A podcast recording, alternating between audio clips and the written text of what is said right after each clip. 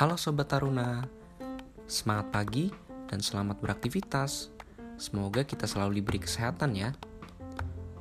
Tema pembacaan Alkitab kita pada hari ini adalah Datang kepada Tuhan, Dia beri kelegaan. Yang terambil dari kitab perjanjian baru, yaitu Matius pasal yang ke-11, ayatnya yang ke-25 hingga yang ke-30. Sobat Taruna, kita semua pasti pernah mengalami kondisi kesulitan, duka, galau, ataupun kebimbangan. Nah, ketika menghadapi kondisi tersebut, apa hal pertama yang biasanya Sobat Taruna lakukan?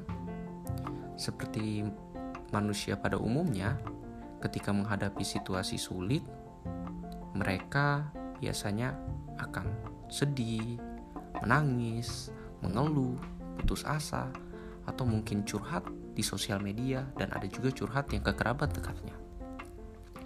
Tapi tahukah sobat Taruna, dari pembacaan Alkitab kita pada hari ini, firman Allah ingin mengajarkan kepada kita bahwa dalam menghadapi kondisi yang sulit, hendaknya kita selalu mengandalkan Allah, seperti yang terdapat pada ayatnya yang ke-28, yang berbunyi, Marilah kepadaku semua yang letih lesu dan berbeban berat, aku akan memberi kelegaan kepadamu.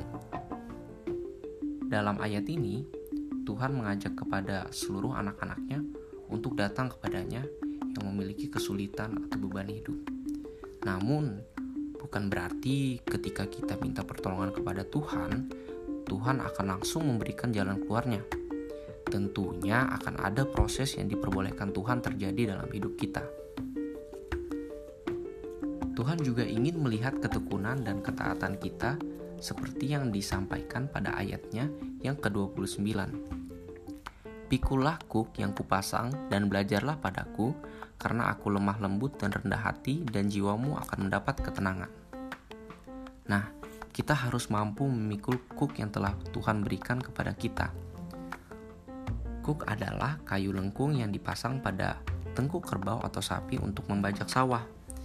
Dalam konteks ini, kuk itu merupakan perandaian dari beban hidup yang ada pada hidup kita, yang tentunya akan kita pikul. Jadi, sobat-sobat Taruna tetap tekun dan taat beriman kepada Tuhan Yesus Kristus ya dalam segala kondisi dan percayalah Tuhan akan memberikan kelegaan dan kebahagiaan.